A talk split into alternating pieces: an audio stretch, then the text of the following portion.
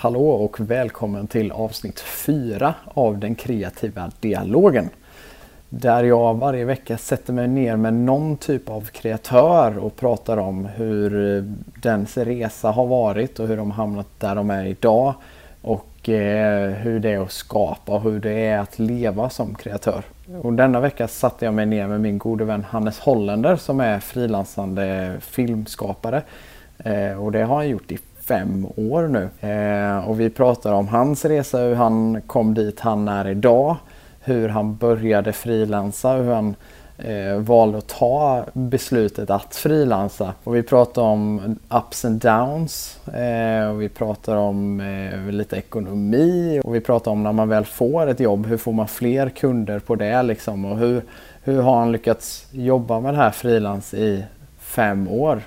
Det var jättekul att få sätta mig ner med en god vän till mig liksom, och tillsammans få berätta om hans resa för er och vad han har stött på för problem och vad, hur han har gjort det han har gjort. Och jag hoppas verkligen att ni tycker om det här avsnittet. Trevlig lyssning! Just det, jag ska också lägga till att eh, ljudet i början är lite kast eh, för det blev en liten grej med ljudinspelningen men det kommer igång efter knappt en minut bara så eh, håll ut så blir det crisp ljudkvalitet. Tjena! Hej! hej. Ja, ja. Hallå! Får, får jag justera min kamera här? Tjena! Ja, jag kände det. Ja, så. Hej! Hur är läget? Det är jättebra med mig tack. Hur är det med dig? Det är bra tack. Eh, Ja. Jag har fått i mig lite mat. Så jag är nöjd och glad. Skönt ju. Ja. Shit vilket bra ljus du har. Alltså man är ju, man är ju filmfotograf liksom. Man sätter ju ljuset. Man är det. Har du, Ja. hur, hur länge har du riggat för den här bakgrunden du har? Alltså, eh, jag hade ju idén på hur jag skulle rigga det i förväg. Men sen så spenderade jag väl kanske en 20 minuter, 25 minuter idag att sätta ljus och grejer Just det. inför detta. Härligt. Gött, hur har din dag varit? Den har varit bra tack. Den har varit Och bra. Har du gjort något spännande? Jag har lyckats eh, bocka av allt ifrån att eh, träna lite, eh, jobba lite eh, och sen mentalt förbereda mig inför den här grillningen som jag ska gå igenom nu. Ja. ja, det är lite så jag vill lägga upp de här, att det blir en riktig grillning liksom. Man ska frågas ut. Nej, det Exakt. ska vi inte göra. Men du, Mm. jag känner ju dig. Eh, men det är folk som tittar och lyssnar som inte känner dig. Så jag tänker, kan du eh, ta och presentera dig? Absolut. Eh, Jag heter Hannes Hollander. Jag är idag 24 år gammal. Bor i Jönköping. Jag är född och uppvuxen ute i Bankeryd som ligger en mil utanför stan. Eh, Jag, ja som sagt anledningen till att jag sitter här idag är för att jag jobbar med ett kreativt yrke. Och jag har väl turen att mitt yrke också är min, eh, min största hobby. Så att, eh, ja, det är jag. Vad gött! Eh, men för när jag satt och skulle göra lite research för det här. Eh, eller ja, research. Jag googlade ditt namn, det kom inte fram så mycket så jag fick gå på eh, vad jag vet liksom. Ehm, eh, men så, alltid typ så börjar jag tänka på hur jag har träffat den här personen liksom, eller hur vi har kommit i kontakt liksom. Eh, och när jag tänkte på dig och mig så, så vet jag inte riktigt hur vi först träffades. Jag har en aning om att det är antingen via vår kompis Björn, att ni typ breakade eller trickade eller någonting. Eller för vi hade ju ett filmcrew förr som hette Enhet Productions. Eh, om det var via det, jag kommer inte ihåg. Kommer du ihåg? Jag tror mest sannolikt att det är genom NGET Productions faktiskt. Jag eh, minns ju väl att vi i alla fall började lära känna varandra och komma varandra närmare när vi var på de här Guldbanafestivalerna och gick runt och gjorde dumheter liksom. Det var nog då vi, vi började bonda för första gången liksom tror jag. Det. Var ju en tid i sig det alltså.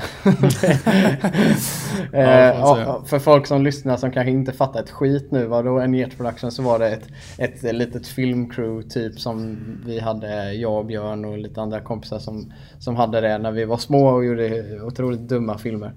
Eh, Youtube är inte det. Mm.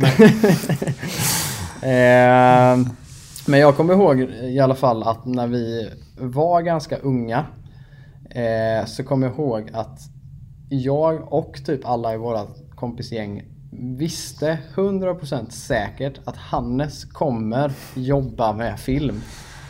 Ja. Eh, alltså, så här, du, vi alla filmade ju mycket liksom, men det var något speciellt med dig. Jag vet inte, du var ju liksom duktig på det på riktigt. Och vi sa alltid så här, Hannes kommer jobba med film, helt klart liksom. Och eh, det gör du idag. Ja, ni förutspådde det helt rätt där. Det är helt Eh, sjukt. Men jag tänkte så här. Eh, kan inte du berätta lite om eh, din kreativa resa? Mm. Hur, du, hur har du hamnat där du är idag liksom? Mm, absolut. Jag brukar säga att startpunkten egentligen är när jag var ungefär 10 år gammal. Och jag och några kompisar istället för att spela fotboll eller utöva någon sport så åkte liksom hem efter skolan till mig och så plockade upp en en Canon kompaktkamera som eh, var så här skitdålig som ens eh, föräldrar liksom hade köpt eh, för att fota semesterbilder typ. Men den hade en filmfunktion. Så att vi filmade med den och klippte sen ihop så här små korta kortfilmer i, i Movie Maker liksom. Så Och- gött att använda Movie Maker. All, alla har börjat där liksom. Ja, ja absolut, absolut. Eh, ja. Så det började där. Ehm, och det var egentligen då kan man ju bara säga, det, det hade jag ju såklart ingen aning om att ja, nu ska jag, då ska jag jobba med, med film. Utan då trodde jag att jag, typ, att jag skulle bli kock eller någonting. Så det var väl den Var, första... det, var det en dröm att bli Alltså, en i, kock? väldigt, I väldigt ung ålder så brukade jag stå hemma hos mormor och morfar och laga mat med min mormor. Och eh, tyckte det var väldigt roligt. Och då tänkte jag så här, bara, ja men det här vill jag jobba med. Jag, jag vill bli kock liksom. Sen, Fasen vad gött, det visste inte jag om dig. Nej men sen, sen, kom det, sen kom det ett sånt skifte där jag under eh, grundskolan faktiskt hade ändå hyfsat eh, okej betyg. Förutom i hemkunskap där jag liksom hade det absolut sämsta betyg då. Och där, dog, eh, där dog kockdrömmarna och ersattes istället med, eh, med filmdrömmarna då. Ja, Okej, just det. Hur, hur, hur, tog ni, eller hur tog du nästa steg från kompaktkameran och Movie Maker liksom? Hur, eller hur, hur väcktes drömmen om att leva på och göra film? Var det att det var så kul liksom? Ja, jag kan säga att det första som fascinerade mig var nog mer den här redigeringsbiten. Att sitta vid en dator och klippa i material och sen få det sitta ihop och se snyggt ut. Det var väl egentligen det som tilltalade mig eh, först. Och det kunde vara att klippa an, andras material. Det kunde vara att eh, eftersom då en get eh, och det gänget eh, filmade väldigt mycket så kunde liksom visionen vara att ja, men ni kan kasta på mig eh, filmmaterial så klipper jag era filmer och sådana saker. Kunde jag känna liksom, tycker jag det var roligt. Men det blev mer och mer att jag fastnade liksom för hela det här visuella eh, berättandet. Och då insåg jag att det behöver jag kunna ta kontroll över. Och då behöver jag ju vara med ända från, från start eller kunna sätta min vision redan från, från grunden. Så då började jag mer nosa på att själva filmandet och att hantera kameran och så var det mer intressanta. Och det är väl där jag ligger i, idag. Det är det jag tycker, fortfarande tycker är det roligaste. Vad, vad var liksom, hur, hur, vad, vad blev nästa steg efter kompaktkameran? Var det en handycam liksom eller vad var? Faktiskt. Faktiskt. eh, Ja, det blev det att då investerade familjen i en, i en handicam istället då som eh, skulle vara lite bättre på filmfronten. Och det var verkligen inte som en investering till mig eh, överhuvudtaget. För jag tror inte riktigt det var påtänkt då heller att jag ville syssla med film som, som ett yrke. Utan det var också en semesterkamera som skulle användas för att dokumentera. Mm. Och eh, då gjorde jag min första film med den. Gjorde jag någon sån här då kombinerade jag mina två drömmar kan man säga, eller min dåvarande dröm om, om kockgrejen. Så jag gjorde en liten matlagningsfilm där hemma. Eh, där jag liksom ställde upp kameran i olika vinklar, stekte köttbullar och eh, gjorde makaroner typ. Och... Eh, Så bästa matlagningsshowen. Ja men exakt så här. Jag hade tråkigt, jag hade inget att göra så jag gjorde en matlagningsfilm. Och sen råkade ju min mor få syn på den här filmen efterhand då, eller så här, de klippen som låg på kameran. Och då tyckte hon så här att shit, eh, det här är ju det här är ändå lite kreativt tänkt så här med alla vinklar och grejer. Kameran är i något kylskåp som öppnas och det är klippet i det här och närbilder på köttbullarna som rullar runt i stekpannan och allt sådär. Så att hon började liksom ta upp det för diskussion med mig. Så här, men det här, du, du har ju något öga för detta. Tycker, tycker, tycker du det är roligt? Och jag bara, ja, det, det är roligt. Du kommer ju också från eh, vad jag har förstått en ganska kreativ familj. Ja, det får man ju säga. eh, din mor är ju formgivare och din far har väl varit musiker eller något sånt där va? Eller, Ja, eller har det bara varit en passion för honom? Ja, det är väl en- mer en passion och en hobby men han sitter ju och plonkar på guran alla dagar liksom, i veckan. Så det är klart man har ju... Jag har ju vuxit upp någonstans mitt emellan eh, Cap Design eh, magasin och eh, liksom eh, akustisk gitarrmusik i öronen. Det är där någonstans som jag har eh, uppfostrats. Mm. Hur, hur tror du, alltså tror du att det har påverkat dig? Eh, ja, Självklart har det ju gjort det i och med att din mor till och med satte dig ner och liksom det här är ju någonting. Men alltså så här, att växa upp i en sån miljö, tror du att det, att det har st spelat stor roll i, i din resa liksom? Absolut, ja men det tror jag. Och jag tror att det är ganska omedvetet. Alltså att det har... Man, man, man eh, arbetar väl kreativt ut efter ens eh, liksom, instinkter, vad man har för... eh, hur- Alltså vilka bilder man har i sitt huvud. Och jag tror att det ligger väl säkert mycket i hur man ser på saker genom uppväxten, hur man har, vilket perspektiv man har haft då. Så absolut, det tror jag. Vad spännande. Och hur, och hur eh, när din mamma satte dig ner och, och pratade om det här, vad, och då tänkte du att det här kanske vore något? Mm. Och hur, Då- vad, vad var nästa grej liksom då? Nej men då kände jag väl att det var ganska bekräftat att ja, jag tycker film är roligt. Det, jag tycker det, det här skulle jag verkligen vilja syssla med. Eh, mamma kunde på något, något sätt ändå bekräfta att ja, det här kommer du kunna jobba med. Om du verkligen ger dig in på det så kommer det finnas en bransch där ute som du kan ge dig in i. Och då, eh, då kände jag mig motiverad i den stunden att ja, det, det vill jag göra. Så då kunde jag välja gymnasielinje utefter den Just det. Vad gick du på gymnasiet? på gymnasiet så läste jag eh, medieprogrammet. Som eh, inte längre existerar i den formen utan nu heter det typ estet media och samhäll media. Men då hette det bara Okej. medieprogrammet. Och Vad, vad är skillnaden på det? Det kanske du inte vet, men då och nu? Varför har de... jag tror att eh, de har eh, gjort jag tror de har delat upp eh, den typen av eh, mediaproduktion i form att om du går samma media så kanske det mer går mot journalistik och sådana Okej. mediekanaler. Medan om Ja. du går estet media så är det mer det visuella eh, i foto, och film och grafisk formgivning och sånt. Då. Okej. Men då var det mycket foto och film eller? Eh, ja, exakt. Då läste jag med inriktning rörlig bild, film och TV. Så, så då fick vi ju en, eh, grundkunskaper om det där då. Just det. Eh, och sen eh, började du plugga, för jag vet att du har ju gått fotoskolan också. Eh, Ja. Här i Jönköping. Var det direkt efter gymnasiet? Stämmer.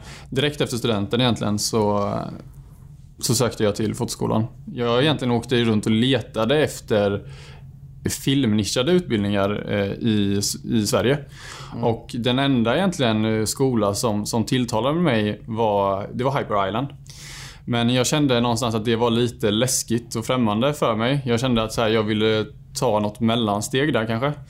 Och när vi var runt på de här renodlade filmutbildningarna så kändes de ganska så uråldriga. Eller de, det kändes inte som de som var moderniserade. Utan de, det var liksom, det var de här skäggiga lärarna i liksom nästan 60-årsåldern som pratade om film, hur man gjorde på, på deras sätt. Och jag, eh, jag kände väl att jag kom där som knappt 19 år gammal eller vad och ville göra det på det här moderna nya sättet liksom. Så att eh, då var det fotoskolan i Jönköping som jag kände att men här har vi en utbildning som är modern, som känns eh, rätt i, i tiden och sen visuellt berättande. Så jag tänkte foto och film, det går och det, det kompletterar varandra på något sätt. Det, det ger Hur mig någonting. är, hur lång är den utbildningen? Då var den bara ett år. Nu har de Okej. gjort så att man kan förlänga och eh, läsa två års tid. Just det. Men var det bara foto eller var det lite film och så också? Utbildningen är faktiskt utformad så att det är väldigt mycket det är väldigt projektindelat. Så man jobbar i projekt och sen finns det inget som säger att du måste göra det i bara foto eller bara film. Vissa projekt som kanske var för print och att man skulle trycka en fotobok eller ställa upp eh, utskrifter liksom på, på, eh, på någon eh, vernissage eller någonting. Då, då, eh, då behövde man ju fota. Men eh, annars så kunde man ju göra många av projekten i filmformat också. Och då gjorde vi det ibland någon gång eh, dubbelt upp och ibland bara film istället. Just det. Och eh, efter att du hade eh, slutat där, vad, vad hände då? Då, det var i slutet av den utbildningen som eh, jag kände att ja, men, nu, nu kommer jag ju... När jag är klar med den här utbildningen, vad ska jag ta vägen då? Vad ska jag göra? Och det var någonstans där i slutet som jag fick förfrågan faktiskt om att göra ett betalt eh, filmjobb för första gången. Mm. Mm. Och då kände jag shit, det här måste jag kunna göra men och då började han fråga så bara, men kan vi ställa en faktura och så vidare. Och så vidare. Och så, då hade inte jag något, något bolag. Så då kände jag att ja, men jag, måste, jag måste skaffa F-skattsedel. Så då ansökte jag om det och fick det beviljat. Och någonstans där då tvingades jag ut i att ja, men, nu har jag F-skatt, nu ska jag sköta det här bolaget, nu ska jag göra mitt första betalarjobb. Vilket gick jättebra, de var supernöjda. Det kanske planerades in något ytterligare och sen någonstans var det i, i rullning där då. Just det. Så direkt efter utbildningen, eller i slutet och efter så kan man egentligen säga att du, du, du börjar frilansa liksom. Eh, för du har ju... Eh, har du, för du jobbar inte på någon byrå eller sådär liksom efter det? Utan det var frilans eh, jag började ju att man, man segstartar ju som frilansare om, om man inte har ett väldigt, väldigt brett kontaktnät från, från scratch då. Så att eh, jag fick ju börja de första två åren var ju såna om man ska kalla det för slitåren där, där man ska försöka få ut sitt namn på något sätt. När man, man är runt och hänger med folk i, branschen och försöker visa upp saker man har gjort och försöker få, få eh, gig. Och då behöver man parallellt en annan inkomst som man kan försörja sig på. Och eh, då blev det att eh, jag jobbade som säljare på Scandinavian Photo. Det var ju ett bra val i kombination att sälja kameraprylar och eh, jobba med den. För jag är också väldigt, väldigt tekniskt intresserad och tycker det här liksom, nörda ner mig i tekniken är ju lika roligt som att använda den. Så att mm. jag... Det var en bra kombo att stå där, sälja prylarna, jobba med dem man träffade också folk över disk där liksom som, som man sålde till som man kunde sälja in sig själv nästan till med en tjänst och som sedan ledde till det ena och det andra. Liksom. Nej, just det. Hur, hur, eh, att du fick jobba och sälja kameror och sådär, liksom, hjälpte det dig på något sätt? Jag antar att då visste du, du visste ganska väl vad du kanske skulle välja för utrustning och sådär eller kände du att det gav någonting också på så sätt mer? Alltså inte bara att du fick ett kontaktnät utan också så här prylar, liksom att du kunde läsa Absolut. på prylar? Absolut, jag kunde ju rabbla de eh, så här, liksom, spesarna på alla kameror som vi sålde mer eller mindre. Så då visste jag ju vad som var bättre med den ena och den andra. Så när jag då skulle göra ett jobb eller ville söka något speciellt ur en kamera så visste jag ju direkt att ja, men, det här är ju den som passar mig. Mm. Så det var ju väldigt, väldigt enkelt.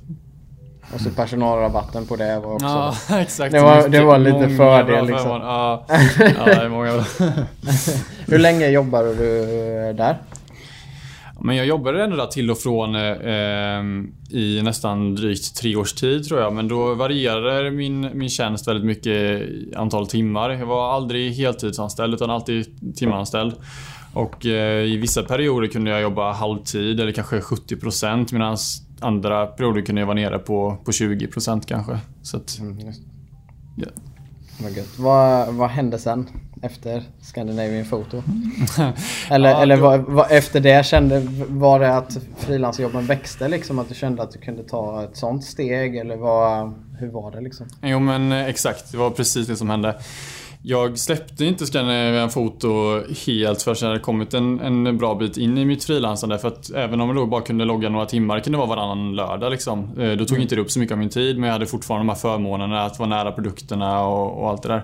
Och så då blev det ju att jag successivt gick från att kanske ha 20% frilans, 80% sälj till att det blev 70-30, 60-40, 50-50 och så började det tippa över på andra hållet. Så till slut så stod det där med 95-5 då eller 100 och eh, allt, mm. jag, 100% frilansare och allt utöver det var bara extra jobb. Så. Mm. Just det. Hur, hur, utöver de kontakterna du fick via Scandinavian Photo, liksom, var, det, var det jobben som du gjorde som ledde till nya jobb? Eller hur fortsatte jobben att komma in? Exakt. Det, det roliga är ju att jag, jag jobbar ju med, med marknadsföring mer eller mindre och jag har ju faktiskt mer eller mindre aldrig marknadsfört mig själv.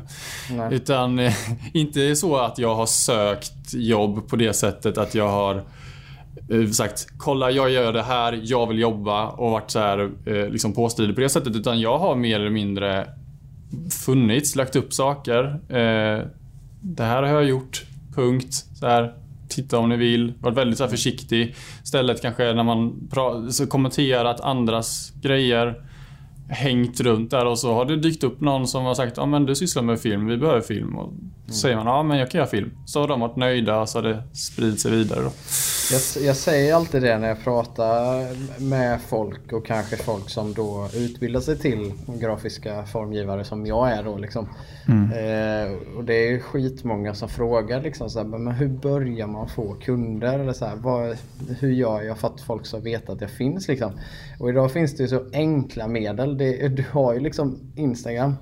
Och vill du inte ha det på ditt personliga konto kan du skaffa ett annat konto och bara visa upp jobb. Liksom. Jag valde att kombinera det. Jag vet inte varför. Jag tyckte att det var härligare. Liksom.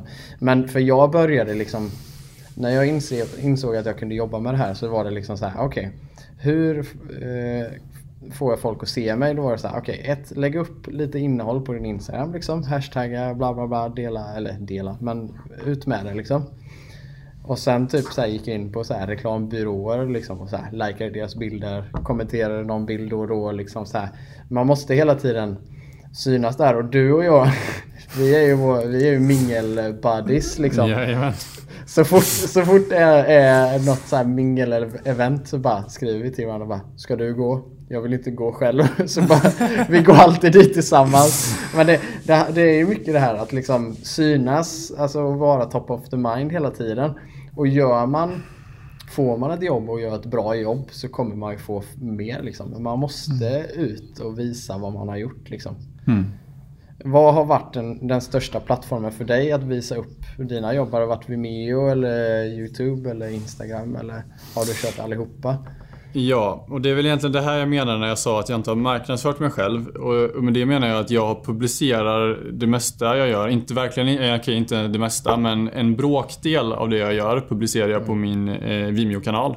Mm. Och den Vimeo-kanalen sen har jag nog kanske hänvisat till en gång eh, publikt. Någonsin, mm. mer eller mindre. Utan, och sen är det men jag lägger upp, lägger upp småsnuttar på Instagram. Det är väl typ mm. det jag gör i dagsläget. Jag slänger ut någonting. Oftast är det personliga projekt, inte ens saker jag jobbar med. Utan, alltså inte som jag inte har fått på beställning menar jag då, utan saker jag gjort för mig själv. Och... Ja, jag, jag, vet inte. Jag har bara liksom inte... Jag har inte pushat så mycket kanaler utan jag har jag lägger upp när jag känner för det och så... Men det känns som att som film, alltså nu får du rätta mig om jag har fel, men det känns som att film och foto är mycket mer kontakter typ. Mm. Alltså all, alla de här är det, men det känns som att film och foto är, är mycket mer kontakter. Att någon liksom säger bara, han gjorde den här filmen åt oss, frågar han typ att det är mer så. Absolut, det, det tror jag mycket väl att det är och man märker någonstans att eh, ju mer man jobbar desto mer jobb får man därefter. Liksom. För mm. att ju, ju, större bredd du har på eh, jobb du gjort desto fler referenser har du och desto fler rekommendationer har man. Mm. Och jag kan väl tycka att eh, ja, men, jag försöker ha den inställningen att när jag jobbar så går jag in med inställningen att jag ska göra jobbet ganska smidigt och enkelt för beställaren. Mm. Och inte lägga fullt fokus på att hur gör jag det absolut bästa jag kan prestera? Så här, hur maxar jag det här? Utan istället så här, hur gör jag det här eh, gött för oss båda? För både mm. beställaren och för mig och det känns bra. Och det är nog det som gör sen att de blir extra nöjda med, med resultatet. Mm. För det är ju en process. Det är ju inte bara att man levererar en färdig film utan man kanske har en jättemycket för eh, liksom planerar, planeringsarbete, man sitter i möten och sen har man inspelningsdagar. Och om hela processen är härlig och man kanske blir polare med dem man jobbar med, då kommer de ju komma och kontakta en igen. Mm. Ja, men det är verkligen så man ska försöka jobba och eh, jag försöker tänka lite så att det man säljer till är ju inte ett företag. Du säljer ju och gör saker för en person. Oavsett om det är för ett företag så är det, alltid, det är en person någonstans som ska bli nöjd. Mm.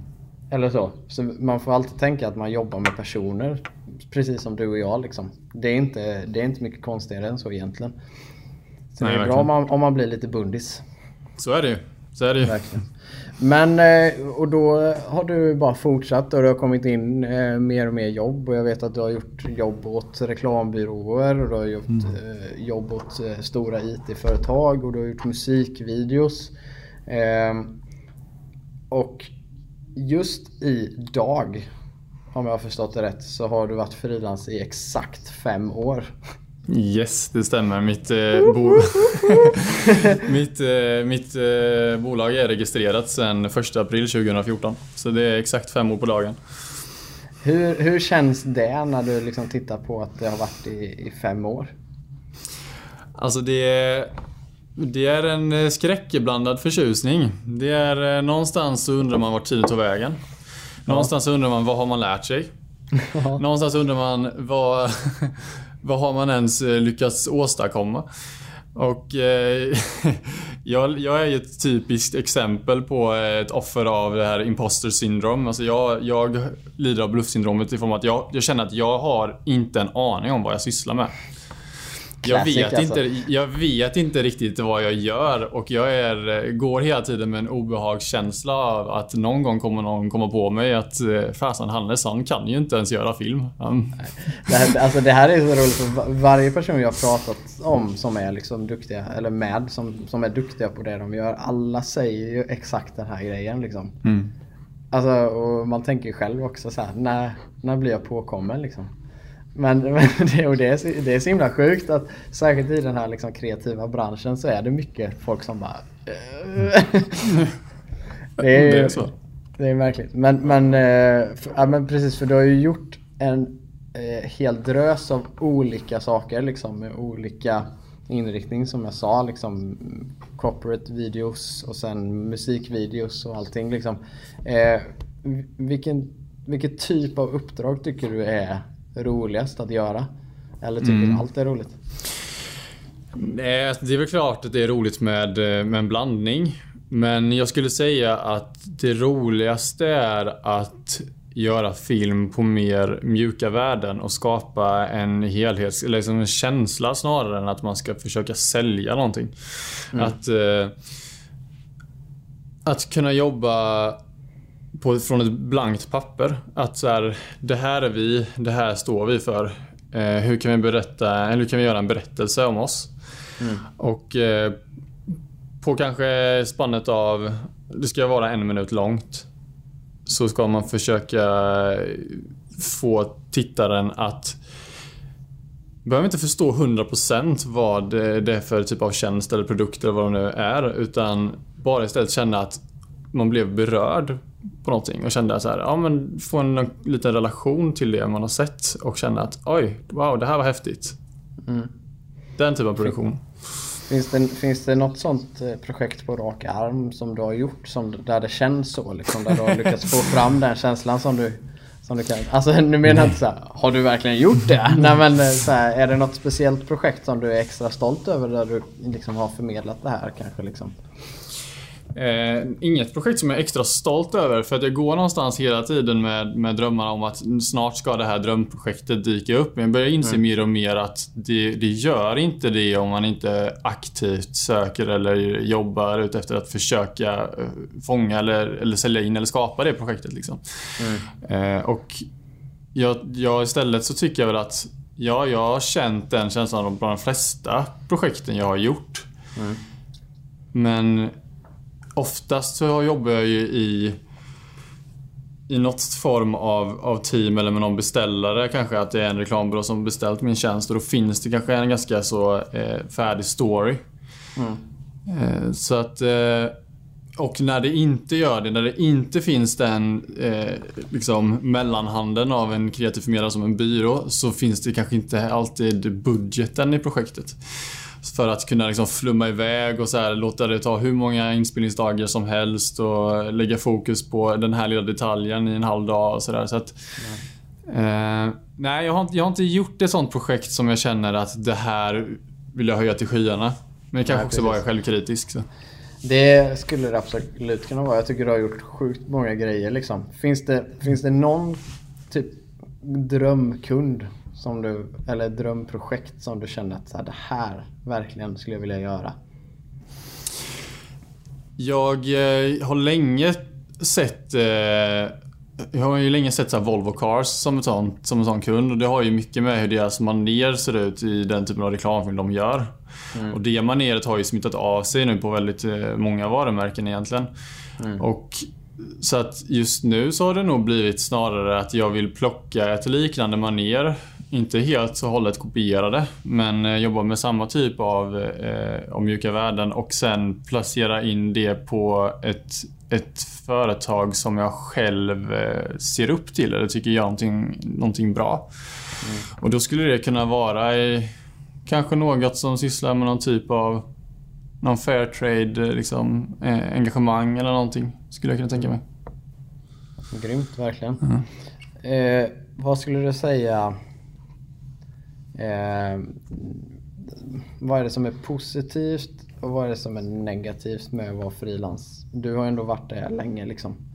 Så du, mm. du borde ju veta liksom. Nej men vad, vad, vad är de positiva grejerna till att börja med? Det positiva är väl att man är så, man är sin egen chef helt enkelt. Mm. Man bestämmer själv när man ska jobba. Eller när man vill jobba. Ibland så är det såklart att man kanske har tidpunkter att hålla eller någon deadline att klara av sådär. Och då blir man illa tvungen ifall man ska få fortsätta jobba med det man gör. Men annars så har man ju väldigt eh, stort ansvar någonstans att, att eh, styra sin egen, sin egen arbetstid. Och det, det, det är en positiv grej. Samtidigt som det också kräver extremt mycket disciplin av en själv ifall man vill eh, göra det till 100% och kanske då inte ha uppstöttning av andra jobb vid sidan av för att klara sin ekonomiska situation och sådär. Hur, hur, känner du att du har klarat av den disciplingrejen liksom? Har den blivit bättre med tiden? Ja, det har den. Den har, har blivit något knep? bättre. eh, jag jobbar i den här stresspressen liksom under eh, ganska lång tid så inser man att det är skönt att försöka undvika det. Det är mm. ganska skönt så här att försöka långsiktigt se, okej okay, om jag gör det här nu så kommer jag kunna göra det här sen. Och så där. Någonstans så går, det, går man runt och hela tiden försöker vinna tid. Och det handlar om att kanske vinna eh, ledig tid där man liksom inte ska, ska jobba. Eh, och eh, sen, då blir det att man lägger ner så pass mycket tid på sitt jobb för att få till den tiden att man aldrig får till den tiden. Så att man jobbar konstant på något sätt och det kan vara, det behöver inte vara att man faktiskt fysiskt sitter och knappar på datorn hela tiden eller att man står bakom kameran utan det kan vara att man sitter, man står och lagar mat och så tänker man samtidigt på mm. så här Ja, man börjar liksom måla upp en storyboard i huvudet medan man står där och lagar mat eller man står och viker tvätt så eh, börjar man liksom, lyssnar man på musik. Så här, vad ska jag ha för musik i den här? Och så, där. så att, någonstans är man hela tiden eh, uppkopplad liksom på, sitt, på sitt jobb. Ja, det, det är rätt sjukt med, och det, så är det nog säkert även om man inte är frilans, liksom, med det här kreativa yrket. Så är, alltså man släpper ju aldrig jobbet helt. För det går liksom inte. Du kan ju få en idé när du är ute och din hund bajsar på trädgården. Liksom. Eh, kanske du får en skitbra idé. Exakt. Eh, det var inte meningen att det skulle vara ett skämt. Eh, men och, det kan ju det kan vara både positivt och negativt såklart. Finns det, finns det några... Eller du kanske inte var färdig med de positiva grejerna för den delen? Med eh, ja, alltså den sista grejen där med att man någonstans fastnar i någon sån här jobbloop kanske inte anses som superpositivt. Men eh, en annan positiv grej är väl att för min del i alla fall så har jag ju valt mitt yrke. Alltså när du, någonstans om du kör frilans eller så, så väljer du, du gör ju oftast kanske ett val att jag vill vara frilansare. Och jag vill jobba med mitt eh, profession. Och att verkligen ha valt det är ju i sig en lyx. Så. Mm. Mm, Vad finns det för negativa saker då? Det negativa är ju bland annat så är det den här eh, att man vet inte hela. Man kan inte vara garanterad en, en, till exempel en inkomst. Man vet inte hur mycket jobb man har en månad. Ibland så är det torkeperioder. Mm. Ibland kan man eh, jobba ihjäl sig i två månader och helt plötsligt så gör det inte någonting i en månad. Känns som det. Eh, och det kan ju alltid ställa till det lite för en. Annat negativt kan vara det här att man tar med sig jobbet då hela tiden. Det kan vara påfrestande för folket runt om en. Uh, och sen kanske det är väl negativt i form av... Nej men sen, det får, där får det nog räcka. Det, det är mm. nog det som är det negativa. Men, men, men du känner uh, obviously att de positiva delarna väger över de negativa? Absolut, verkligen. I och med att du har gjort det här i fem år nu liksom. ja. Jag kommer ihåg eh, när jag gick i tanken om att börja frilansa på heltid. Eh, jag frilansade lite under tiden jag studerade och sen lite under tiden när jag jobbade också. Liksom. Men, det, men det var ett läge där jag kände att, att jag kanske borde ta steget. Och det kom, jag kommer ihåg att, vi, att jag pratade om det liksom så med dig. Så här, hur, hur hanterar du osäkerheten liksom med, med jobb? Eh, och, och du Eh, du sa liksom att ibland så kan det vara torkeperioder och ibland kan du ha hur mycket som helst att göra. Är du, är du duktig känner du med, med pengar så att säga? Alltså, du får in mycket pengar kanske någon månad och sen kanske ingenting. Liksom. Är du duktig på att dela upp det eller så här, dela på det så att det räcker? Eh, nej, det är jag nog egentligen inte. Men jag har ändå eh, lyckats eh, Dels så har jag ju eh, för tillfället då en, en trygghet i form av att jag, förutom mitt frilansande, så har jag en fot inne på eh, ett bolag som heter Concid. Mm. Och där jobbar jag i deras marknadsteam och jobbar med, med filmproduktion också. Eh, men där bockar jag av timmar. Mm. Och eh, känner jag mer eller mindre att eh, det är lite torka i, i frilansandet. Då försöker jag bara lägga i en extra växel där och få extra mycket gjort och kunna logga flera timmar, timmar där. Då. Eh, men eh, det har jag inte hittills behövt känna någonting utan det är snarare att man får, vara, man får försöka att bygga upp en en, en liten, liten kassa, säkerhetskassa typ. Alltså en, en liten bas med, med sedlar som ska, som ska räcka när man när man kommer in i torkeperioderna. Och sen anpassa jag, jag tycker också att man lever lite ut efter hur mycket pengar man har eh, till, mm. tillgängligt. Känner man att det börjar bli knapert då äter man inte lika dyrt och man kanske inte köper nya kläder då eller så här. Man anpassar sig liksom. Mm, ja verkligen. Ja, det handlar ju om att anpassa sig för att överleva verkligen. Eh, för jag, jag kommer också ihåg när jag, när jag skulle ta det här steget. Jag frågade ju runt lite alla möjliga så som har jobbat i, i frilans. Eh, många av dem var ganska unga. Eller är ganska unga. Eh, typ i min ålder, kanske lite lägre ibland. Eh, och då frågade jag så här, bara, men hur, hur gjorde du typ med passion och semester och sånt? Mm. Och folk bara, eh, va? Nej, det, det sparar vi liksom ingenting till. Eh, och jag tycker det är ganska viktigt att ta upp liksom. Eh, sparar du till pension och semester? Eller skiter du fullständigt i det? jag, jag lever faktiskt just nu eh, på att inte göra det. Eh, och det är av en enkel anledning att jag känner fortfarande att jag är i den åldern att man kanske ska göra några viktiga investeringar rätt snart. Det kan handla om bostadsinvestering, köpa mm. någon lägenhet eller någonting, ta ett lån sådär. Mm. Och då vill jag ha så mycket pengar fria för tillfället. Liksom. Jag vill inte känna att jag låser, sparar pengar någonstans där jag mer eller mindre då inte ska kunna komma åt eller peta i dem. Utan jag, då sparar jag hellre i en bara lite fonder. Så här, det här, här ligger pengarna. Jag ska kunna komma åt dem ifall jag behöver dem. Vad skulle du säga då? Alltså, det, du sa ju att du gick fotoskolan. Mm. Eh, om det är någon som är där ute som är sugen på att liksom bli filmskapare. Liksom, känner du att, att man behöver gå en sån här utbildning eller att man behöver gå gymnasiet? Liksom? Behöver man utbilda sig? Eller tror du att man kan lära sig själv? Jag, tycker, eller jag tror inte man behöver det. Jag, eh, jag ser mig själv som eh, 95% självlärd. Eh, jag, de, alltså det är klart man får bra eh, kunskaper av att gå en utbildning. Kanske inte bara av utbildningen i sig utan ännu mer av andra likasinnade människor som går utbildningen parallellt med dig. Du får träffa folk som sysslar med liknande saker och man delar med sig av kunskap. Och det kan du egentligen göra utan att gå utbildning om du bara hänger runt den typen av människor. Mm. Och eh, sen är det ju, det är learn by doing rakt igenom.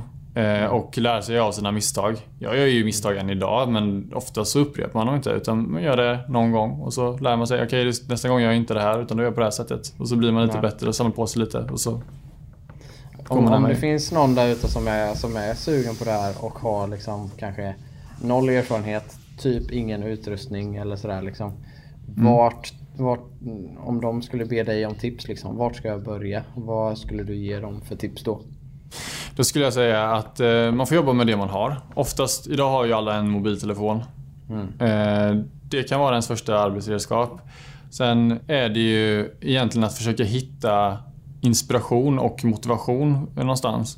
Mm. Och motivation finns det ju. Jag menar, Youtube idag är ju hur stort som helst och det, det är ju som en enorm också eh, utbildningsplattform. Så att mm. du kan mer eller mindre gå och bara sitta och plöja Youtube-filmer dygnet runt på någon eh, person som står och eh, pratar om hur, du, hur man gör någonting.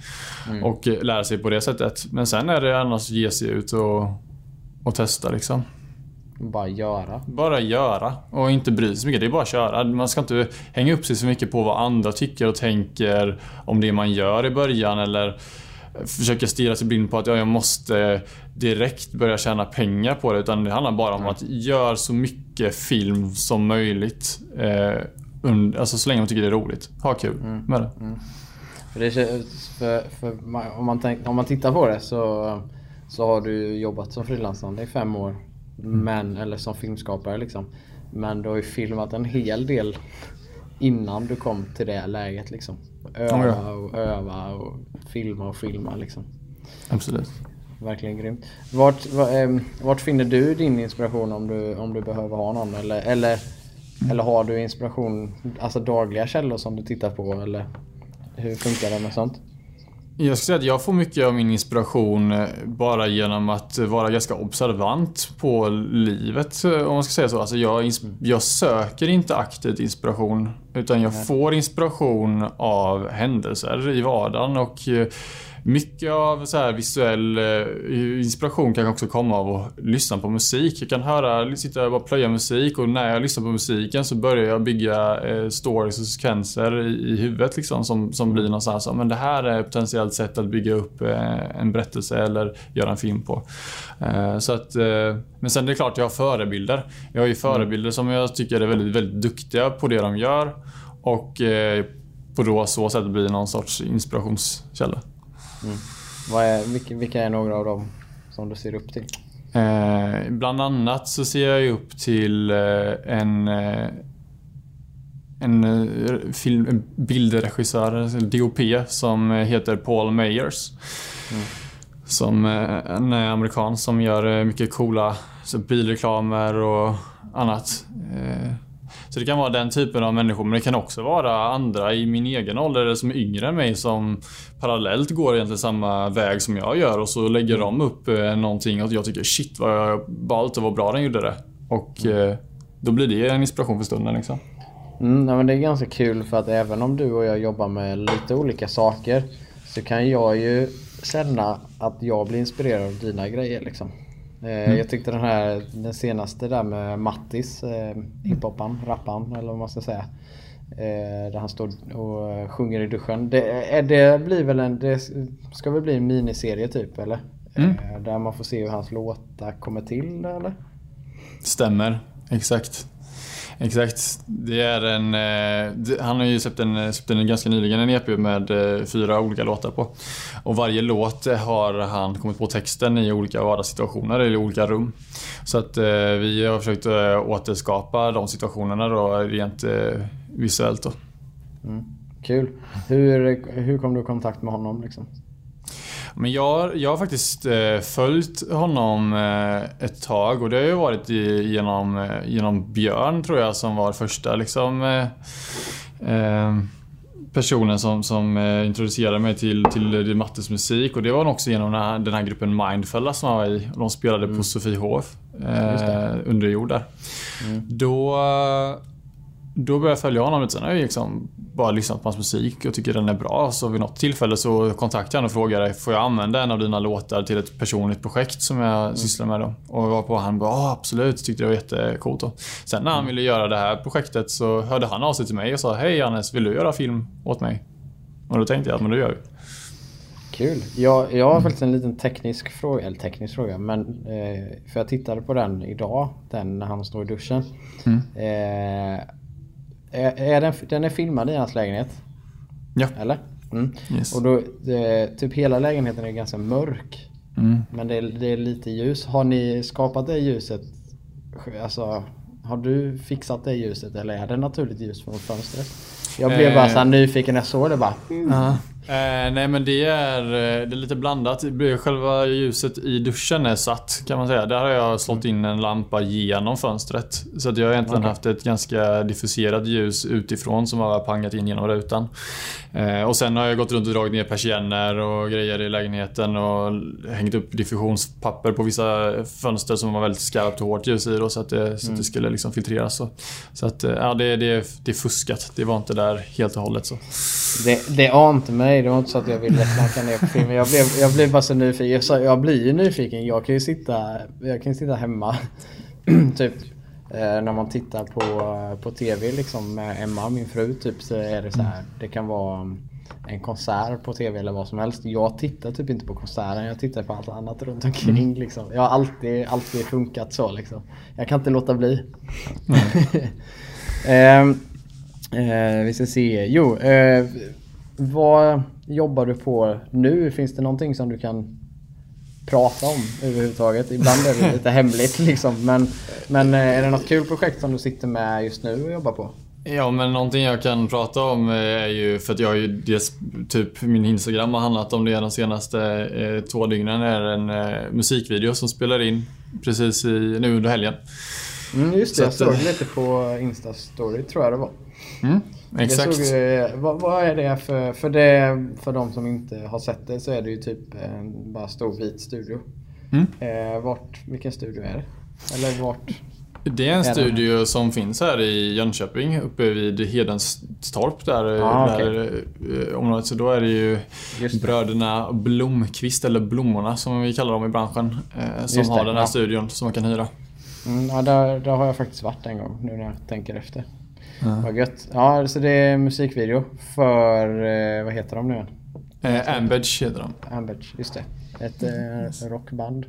Kan man Ja. säga så? Ja, det är typ så jag skulle våga definiera det också utan att säga fel. Ja. Eh, vad är konceptet på den musikvideon då? Är det att de är där hela tiden eller vad? Eh, ja, man kan säga så här att eh, musikvideon utspelar sig bara i studiomiljö.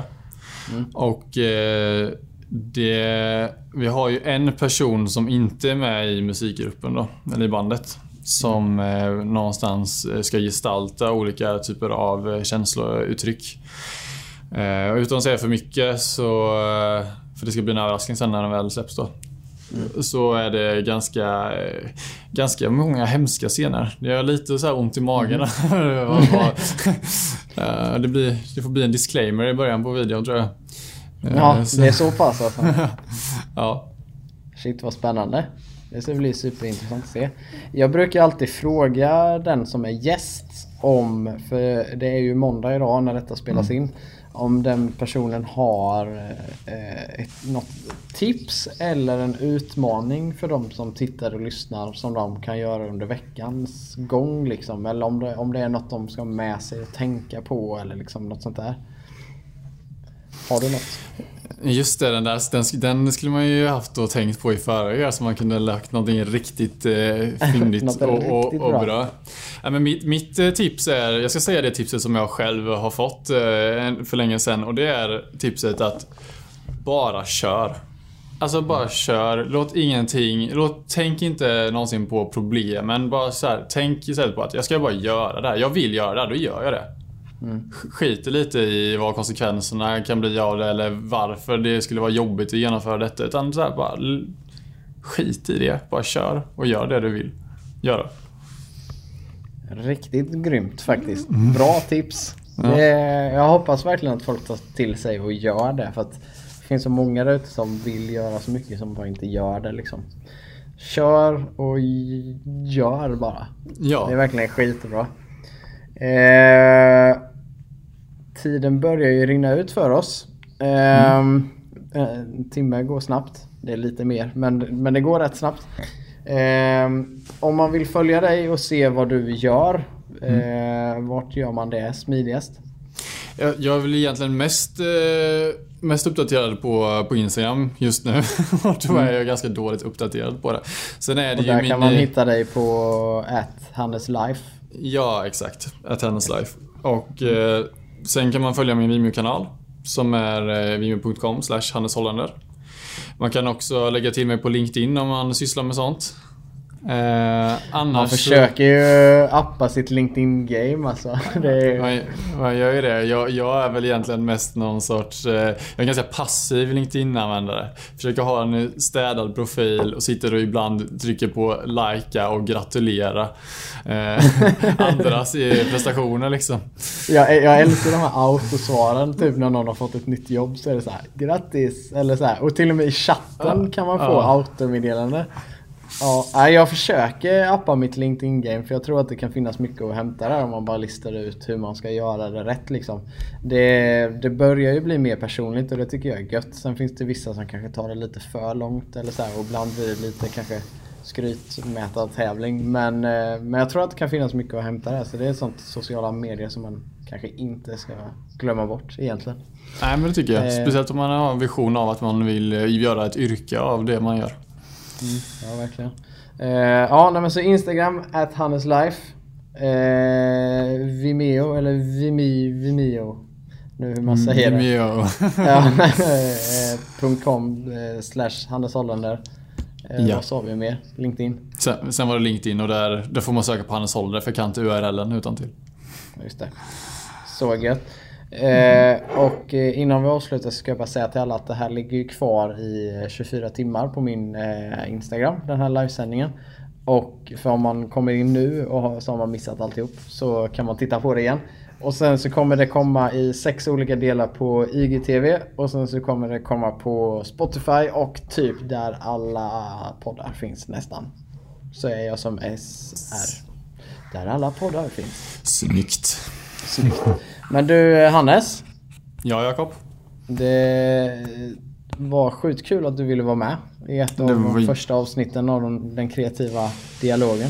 Det var jätteroligt att få vara med och tiden gick väldigt fort. Det känns som att man hade kunnat sitta här och köta i några timmar till. Det känns som att man Ja, verk, touchade liksom ytan av någonting. Så Men jag att, tänker att vi eh, senare i framtiden får göra en, en catch-up-podd där, där Mm. jag liksom eh, återskapar, vad säger? Återbesöker alla de gäster som har varit med liksom, och ser vad som har hänt senast. tycker jag låter som jättebra det. Svin är grymt du. Men eh, ja, tack återigen för att du ville vara med och eh, jag hoppas att du får en eh, sjukt bra vecka och till alla där ute, kör! Tack och till dig. gör! Kör och gör. Ha det bäst. Tack Jakob. Ha det gött! Hej! Ha det bra. Hej. Ska vi se, avsluta!